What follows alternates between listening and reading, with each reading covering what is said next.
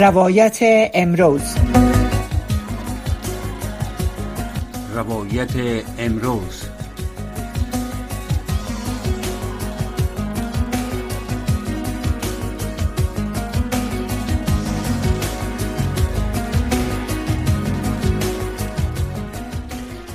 شنونده های محترم سلام وقت شما بخیر. رویا زمانی هستم با تقدیم برنامه روایت امروز. از امواج رادیو آشنا صدای امریکا. به امید صحت و سلامتی شما برنامه را آغاز می کنیم شهر کازان جمهوری تارتارستان روسیه روز جمعه که فردا است پنجمین نشست تحت نام فرمت مشورتی مسکو را میزبانی می کند که در او وضعیت و شرایط فعلی افغانستان با حضور نمایندگان کشورهای منطقه بحث می شود در این نشست از حکومت طالبان نیز دعوت شده و امیرخان متقی به نمایندگی حکومت طالبان در این نشست اشتراک می‌کنند از سوی دیگر نشست فرمت مسکو سبب واکنش های متفاوت شده است. در تازه ترین مورد شورای عالی مقاومت برای نجات افغانستان از برگزار کنندگان نشست روز جمعه که فردا است در فرمت مسکو خواسته تا نشست منطقه‌ای را با مشارکت سازمان ملل متحد و کشورهای داخل به منظور یافتن راه حل برای بحران جاری در افغانستان ترتیب دهند این شورا تعامل با طالبان را یک جانبه و تعامل با یک گروه افراطی دانسته و ادامه حکومت طالبان را تهدید برای منطقه و جهان خوانده است. خب برای بحث بیرامونه ایجاد یا هدف ایجاد این نشست ها و همچنان خود فرمت مسکو تا حال چقدر و چند بار تشکیل شده برگزار شده و این نشست ها چی نتایج را در پی داشته با مهمان برنامه. وایس ناصری آگاه مسائل سیاسی قسمت می کنیم و امیدوار هستیم که شما هم تا اخیر برنامه شنونده این بخش برنامه رادیو آشنا صدای امریکا باشین. آقای ناصری سپاس از وقتتان. آواز ما را میشنوین. سلام بر شما. عرض سلام ادب دارم. بانو زمانی گرامی خدمت حضور شما همکاران تکنیکی تا جان سپاس از لطف محبت و دعوت داد. تشکر از شما هم آقای ناصری که بر ما وقت میتین در آغاز برنامه قسمی که شما هم در جریان هستین که فردا فرمت پنجمین فرمت نشست فرمت مسکو در مسکو برگزار میشه و از حکومت طالبان هم دعوت صورت گرفته. در آغاز برنامه پیش از که به جزئیات این نشست فردا بپردازیم. شما اگر لطف کنین بر ما بگوین که هدف از ایجاد نشست مسکو که در سال 2017 از به ابتکار روسیه ایجاد شد و برگزار شد هدف اصلی نشست ها چی است؟ و تا حال چند بار که خب چهار بار تا حال گفته میشه که نشست برگزار شده. چقدر نتایج چی نتایج در بر داشته؟ اگر جزئیات بتنده مورد آقای ناصری. به ارتباط به فرمات مسکو در زمانی که آقای دونالد ترامپ رئیس جمهور ایالات متحده آمریکا در 2017 به قدرت رسید تصمیم گرفت که نیروهای امریکا را نیروهای ایالات متحده آمریکا را به شکل یک جانبه بدون توافق با ناتو و دیگر کشورها خارج بسازد. شعار آقای ترامپ بود امریکن کرد و تمام منافع بر محور منافع امریکا میچرخید و حضور نیروهای امریکایی کشته شدنشان مصارف گذاف و شکست امریکا در جنگ افغانستان هدف پیروزی شد.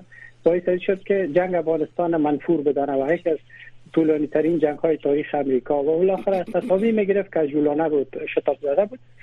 با تصمیم آغاز مذاکرات و تلاش ها برای توافق با طالب ها کشورهای منطقه به شمول روسیه و چین و ایران و پاکستان اینا متوجه شدن که با خروج امریکا یک خلای امنیتی ایجاد میشه. روسا ابتکار نشست شش جانبه را در ارتباط افغانستان به شمول دولت افغانستان کردن. در این نشست شش جانبه که روسیه چین هند پاکستان ایران و افغانستان دولت افغانستان هم حضور داشت راجع به خروج امریکا و خلای امنیتی و صلح و گفتمان افغانی و غیره چیزایی که مسائلی که مسئله تروریسم اینا چیزایی که امروز واقع شده همیشه به بحث گرفتن. اولین خب. نشست در اپریل 2017 بود. بعد از این هر سال یک بار مسکو میزبان کنفرانس های برام فرمات مسکو بود که در کنفرانس دوم شش نفر از طالبان را دعوت کردن و همچنان نماینده های از دولت افغانستان از شورای عالی صلح در اونجا اشتراک کرد و فرمات مسکو گریه خورد. با نشست های بین الافغانی که در او با دکتر عبدالله و آقای غنی برادر هم اشتراک کرد. آقای کرزی با یک تیم در 2019 اشتراک کرد. آقای کمتیار هم در 2020 اشتراک کرد. این کنفرانس ها گری خورد به سه میور یک میور سه کشور چین امریکا و ایالات متحده امریکا که تویکا نام داشت. جلسه و نشست های ترویکا با نشست ترویکای پیشرفته پلس یا تو ترویکایی که با شمول پاکستان روی قضیه افغانستان و خروج امریکا بحث صورت می‌گیره در فرمات مسکو ده کشور مهم منطقه که پنج کشور آسیای میانه باشه و پنج کشور دیگه چین ایران پاکستان هند و روسیه ده کشور اشتراک کردن به نمایندگی دولت افغانستان تا زمانی که دولت ساقط نشده بود افغانی می آمد ولی بعدها ایت طالب ها هم دعوت کردن و بعد از سقوط رژیم سابق طالبا فقط بر یک بار باعث میزبان باعث میمان آمدن. در اون وقت آقای عنفی آمد به عنوان معاون صدر اعظم و صحبت کرد. بعد از چند ماه بعد سقوط بود و اونا گفتن که ما وعده به فرمات مسکو دادن که ما همه چیزهایی که اونا می‌خواستن قبول کردن ولی در سایه عملی هیچ کار برداشته نشد. سال 2022 هیچ هیئتی از طالبان را دعوت نکردن امسال در سال 2023 این فرمات در یکی از شهرهای بسیار زیبای فدراتیو روسیه به نام کازان که پایتخت و مرکز جمهوریت تاتارستان است و یکی از جمهوریت های مسلمان نشین بزرگترین مسجد اروپا در اونجا هست. در اونجا دعوت کردن از کشورهای ده کشور عضو فرمات و همچنان سازمان های بین و از طالبان من حیث فقط یک حیات ناظر دعوت کردن حیات که بیای و عضویت فرمات داشته باشه.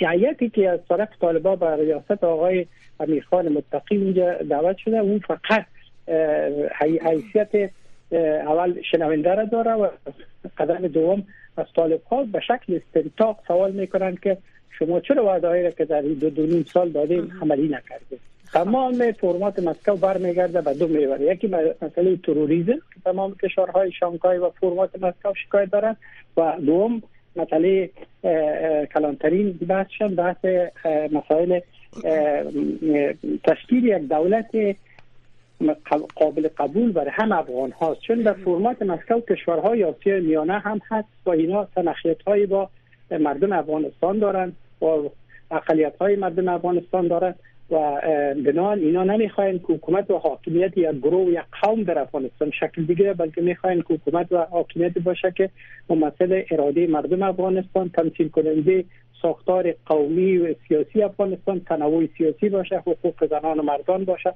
چیزایی که جهان می‌خواد فرمات مسکو می‌خواد من روز یک تفسیری کوتاهی که خانم زمانی برای رسانه ها فرستادم فرمات مسکو 36 میلیون متر مربع کیلومتر مربع مساحت یعنی که بر سیام اراضی جهان سیطره و به حساب پوشش همین کشورها هست. و تقریبا سی میلیارد و 340 میلیون انسان در امی کشورهایی که فرمات مسکو تشکیل دادن می‌کنن. یعنی تقریبا نیم از جمعیت جهان. بنابراین این فرمات از نظر وسط خاک از نظر قدرتی که دو قدرت بزرگ به نام چین و روسیه که هر دوش دائمی شورای تو هند چین پاکستان و روسیه هست در این کنفرانس اشتراک می‌کنن. بنان این قدرت بزرگ اقتصادی سیاسی نظامی و نفوذ به حد ازیاد و همچنان وسعت خاک نشان دهنده اهمیت قضیه افغانستان است. پیش از این کشورهایی که یک در سیام کره زمین تشکیل می‌کنن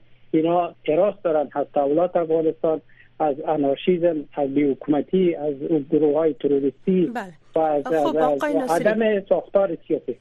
چند سوالی که اینجا از گفته های شما پیش ما پیدا شدی است که اول خب در نخست امریکا چین و روسیه که در کشورهای سی جانبه که تحت نام ترایکا اونو جلسه میکن نشست میکن بعد از او پلاس پاکستان شد.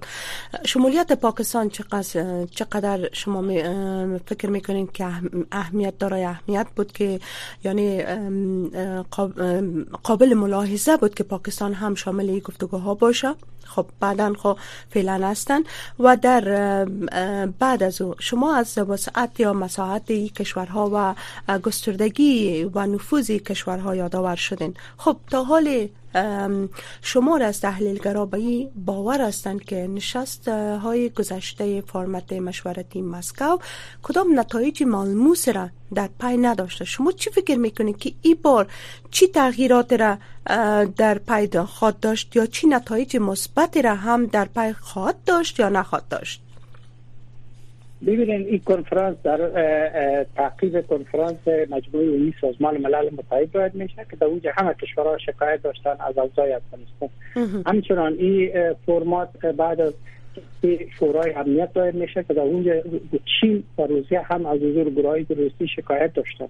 و پاکستان هم اظهار رضایتی کرد. و تمام کشورها.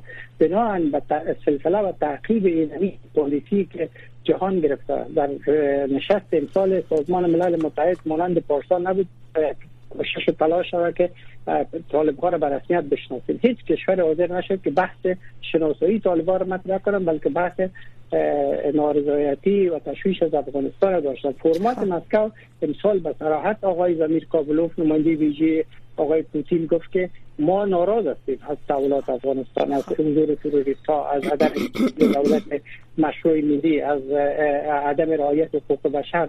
بنابراین این جلسه هم به تعقیب اونمی جلسات ادامه تحریم ها بر طالبان هست ادامه محدودیت ها هست عدم شناسایی طالبان هست و از نظر سیاسی و اخلاقی کنفرانس بسیار موفق است ولی از نظر اجرایی خب چی دستاوردهای در گذشته داد آقای ناصری؟ در گذشته از دستاوردهای ای یا از نتایج که در پای داشته شما اگر صحبت کنین.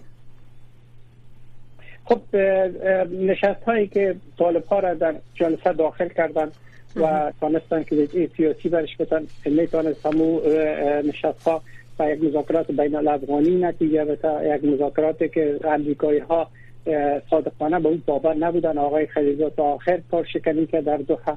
و تمام تمرکز خلیزات برای توافق توافق با طالبان برای خروج امریکا بود نه به خاطر شکل دیگه حکومت پس از طالبان و توافق مذاکرات بین الافغانی. و اگر می بود اگر می بود هم آقای ترامپ و هم آقای جو بایدن و تمام تیمایی که در قدرت بودن به شمول خلیزات باید می‌گفتن تا زمان ساکر امریکایی خارج نمیشه مثل که لوید امریکا آقای جنرال مکمالی میگن و دیگر جنرال ها که ما اشتباه کردیم در خروج خود عجله کردیم.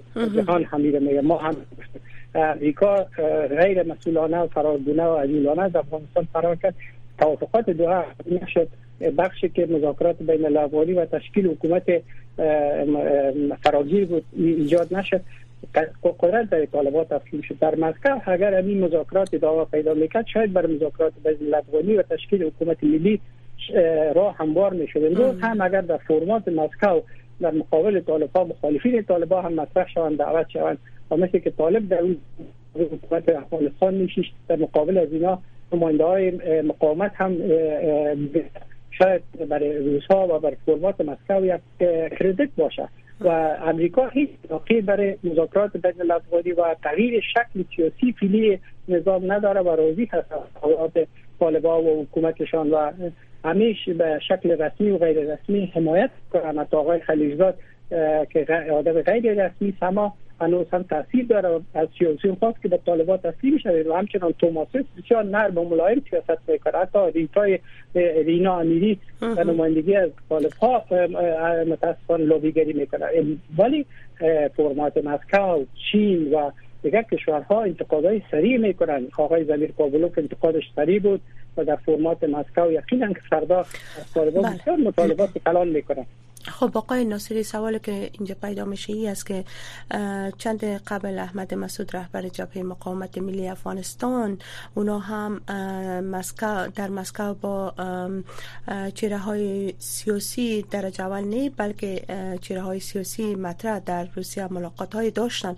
شما چی فکر می‌کنین که در این نشست چرا از اونا که تا حال ما گزارش های در مورد دعوت اونا به این نشست نداریم؟ به نظرتان چرا از اونا دعوت نشد خب دعوت نشدن از مخالفین به دلیل از اول فرمات مسکو یک فرمات رسمی هست خب. دولت ها هست نه حیات های سیاسی و نه اینا میان ده کشور گفتم اول فرمات به شکل شش کشور شکل گرفت بله، باز بله. به ده کشور انتقال پیدا کرد. امریکا و ناتو اینا هم دعوت می‌کردن اونا اشتراک نمی‌کردن. دولت افغانستان در اون زمان من حیث یک دولت می آمد طالب ها فقط من حیث یک گروه جنگی بار اول و دوم دعوت شدن. حال هم چون امی سنت خود طالباش که ساندن در اون زمان روس ها می‌تونن استدلال کنن که در اون زمان ما شما حمایت می‌کردیم و شما رو می‌خواستیم به صلح دعوت کنیم. امروز از مخالفین تان بگیم تا زمانی که با مخالفین تان صلح نکنید مذاکره نکنین توافق نکنین افغانستان به آرامی نمی‌رسه. تا افغانستان آرام نشه ما آرام نمی باشیم تروریسم تشدید شده فعالیتش و شکایت از حضور گروه تروریستی بسیار قوی هست. در تمام نشست ها هم شورای امنیت هم مجموعه عمومی و هم فرمت مسکو کنفرانس شانگهای در چولومین که نشست شانگهای در قزاقستان مشاور امنیت ملی قزاقستان گفت که تعدیدی که امروز از افغانستان ما میشیم از هیچ کشور نشدیم و نمیشیم. امنیت ملی و منافع ملی کل کشورهای آسیا میانه از افغانستان تهدید میشه. افغانستان به ثبات افغانستان که کنترل بر ترور و تروریسم نداره و یا صادر کننده تروریسم از طالبا برای هیچ کشور حاضر نیست. و طالب تعامل بیشتر کنه. و اینا رو فقط برای استنطاق می‌خواین با کنترل خب آقای ناصری شما بگوین که در مورد تعامل مسکو با کابل. هیئت از طالبا به رهبری امیرخان متقی وارد مسکو شده. متقی در نشستی که در سفارت افغانستان که در حال حاضر تحت کنترل طالبا صحبت کرده گفته که سیاست خارجی حکومت گروه به خوبی پیش میره. معادله سیاسی مسکو با کابل تحت تصرف طالبا به نظر شما چی تصویر داره؟ چگونه می باشه طالبا هیچ سیاست خارجی روشن و مدون ندارن. دلیل از که یک حکومتش تشکیل نکردن قانون اساسی ندارن. بر اساس چی اینا تعامل می‌کنن با جهان و با کشورها؟ و کدام اساس؟ قانون اساسی از اینا چی است؟ در کدام ماده چی گفته شده که تعامل افغانستان چی باشه؟ افغانستان یک کشور بی‌طرف باشه؟ پکت خب طالبان همواره شریعت اسلامی صحبت می‌کنن آقای ناصری. اون این خو یک این خو یک شعار است. یک شعار است ولی شریعت اسلامی خود او گفته نشده که سیاست خارجی شما چی باشه با کشورها. اگر متاسفانه طالب ها تعریف مشخص از نظام حکومت حاکمیت تقسیم قدرت ندارن اینا که میگن کابل کابل پایتخت نیست. آقای متقی در کابل نشسته ولی تمام تصامیم از قندهار گرفته میشه. به شورای رهبری مرموز در قندهار نشسته. و جهان هم می‌فهمه که مسئولینی که میان حرف می‌زنن گپ می‌زنن با یا در کابل ما با اونا گپ می‌زنیم. اینا هیچ ارزش هیچ چیز نداره. این ارزش هیچ تصمیم گیری را ندارن صلاحیت ندارن. تصمیم گیری در جایی هست که دسترسی برایشان بسیار کم است و بسیار جهان هم با این تناقض کلان معاون یوناما میگه که اینمی ساختار فیلی طالب که بخش اداریشان چیز میگن و بخش قدرت سیاسی که در قندهار چیز دیگه این پارادوکس و تناقض باعث فروپاشی همه چیزها شده اعتمادها شده. بنابراین اگر آقای متقی در این کنفرانس وعده های بر جهان بتا کی او را عملی می‌کنه علایت متقی بر وعده ها چی است؟ بنابراین در بخش سیاست خارجی ناکامترین دولتی که در 100 سال گذشته بوده و وزیر خارجه که بوده آقای متقی و طالبا هستند. حتی در طول دو سال نتونستن که یک کشور قناعت بتن که اینها رو به رسمیت بشناسن. پس آقای ناصری نشست بسیار بخشن گپتان گرفتم. پس اشتراک آقای متقی چی سود یا چقدر اهمیت داره بر خود طالبا؟ در, در صورت که شما میگن که اونا اونجا میرن به گونی ناظر سوال خواد شون از اونا. پس حضورشان چگونه ارزیابی می‌کنن شما در این نشست؟ هیچ هیچ ارزشی برشان نداره. هیچ کشور حاضر نیست اینا رو به رسمیت بشناسه. اینا فقط گوشای خود یا پنبه بگذارن و یا سر خود پایین پرتن و حرفای جهان بشنون. اینا حرفی برای گفتن ندارن وعدهایی که کردن عملی نشده. حتی صدر قطر وزیر خارجه و صدر یک نفر گفت در قندهار رهبرای طالبان ما با ما وعده کرد که مکاتب باز می‌کنیم زنان مراعات می‌کنیم. ما خوشبین هستیم که وعدهشان عملی شود. ولی امیر قطر در کنفرانس گفت که طالبات اشتباهات سابق خود دارن تکرار می‌کنن. یعنی مایوس شده جهان از طالبا همه کشورها عربستان سعودی که آمی کلان طالبا یک وقت بود میگن ما از دولت افغانستان بسیار ناراض هستیم. حتی روزها میره میگن. نماینده دائمی روسیه در شورای امنیت گفت که تحولات افغانستان و تهدیدات تروریسم و مخصوصا داعش خطر بزرگ برای منطقه و آسیا میانه خب آقای نصیری در این زمان بله. در در جریان برگزاری نشست سالانه مجمع ملل متحد بعد از این آقای زبی الله مجاهد سخنگوی حکومت طالبان گفته که در این نشست ها موضوعات بسیار کوچک چون به گفته اونا موضوع زنان و آموزش حق کار به زنان اینا بحث شده. از دستاوردهایی که حکومت طالبان از امنیت که حکومت طالبان در افغانستان از از پیشرفت هایی که امروز در افغانستان دیده میشه صحبت ها نشده. و روز گذشته هم از دستگیری فعالین زن که چند قبل ندا پروانی دستگیر شد و دیروز گزارش های از دستگیری جولیا پارسی نیز نشر شده. شما چی فکر می‌کنین که با این وضعیت که طالبان دارن چی پیشنهاد را از خود خود نماینده طالبا با خود با در این فرمت اگر نظارتی باشه یا به هر گونه که اشتراک می‌کنن چی پیشنهاد با خود خود ببرن اونا؟ ببینین آقای زدولای مجاهد به عنوان سخنگوی رسمی امارت اسلامی طالب ها یا دولت حکومت طالب ها که من اداری طالب ها میگم وقتی و میگه که حرفای بسیار کوچک پیش پا افتاده. مسئله رعایت حقوق بشر است.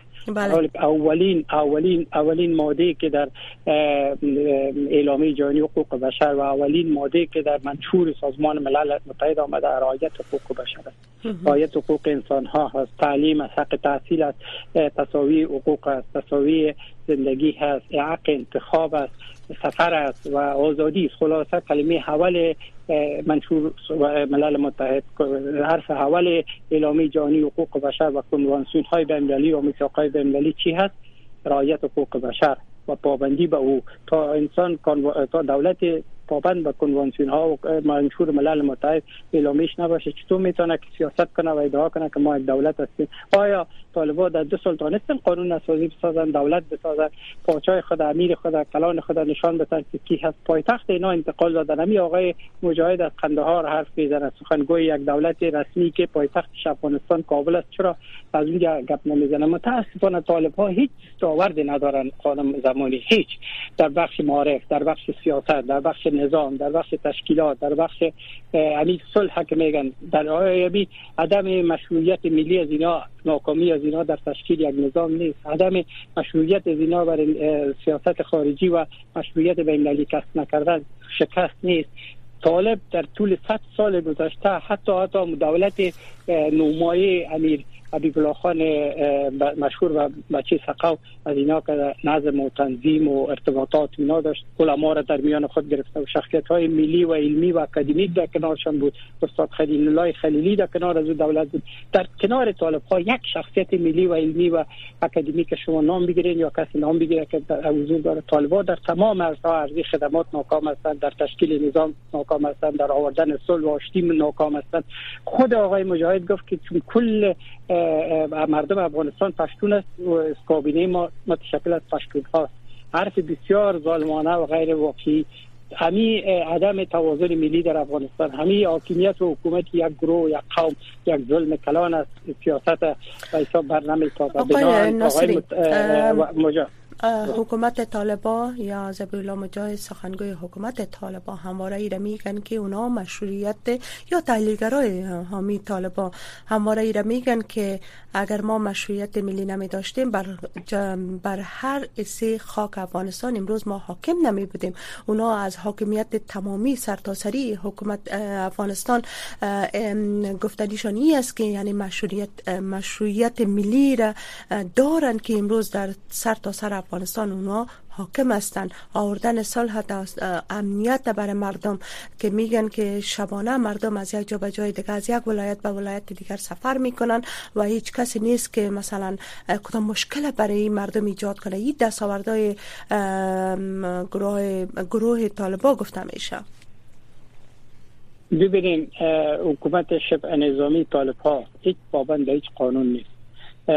اوسی ها در یمن پایتخت اشغال کردن شهرهای بزرگ و مراکز بزرگ اشغال کردن ولی هرگز نمی‌تونن نمایندگی از مردم کنن. اشغال و به زور تفنگ قدرت سیاسی را غصب کردن و مردم را سرکوب کردن. امروز شما در این لحظه در صحبتاتون گفتین که خانم پروانی و خانم اینا سرکوب کردن. ده ها و هزار انسان دیگر اینا به قول و زنجیر کشیدن. خود یوناما در گزارش خود گفت که بیش از چند صد نفر اینا با با شکنجه به حساب محاکمه سرایی کردن. آیا نظامی که پابند به هیچ قانون نباشه و با انتحار انفجار و با کشتار با وحشت و با گروه انتحاری که در چوکات حکومت از اینا هست که کندک انتحاری داره. همین شکل دستگیری ها و شکل عدم و از بین بردن لوی سارونولی افغانستان و عدم تشکیل یک حکومت قانونی آیا یک انارشیزم و وحشت. نیست؟ حکومت وحشت نیست؟ حکومت جنگل بله. نیست؟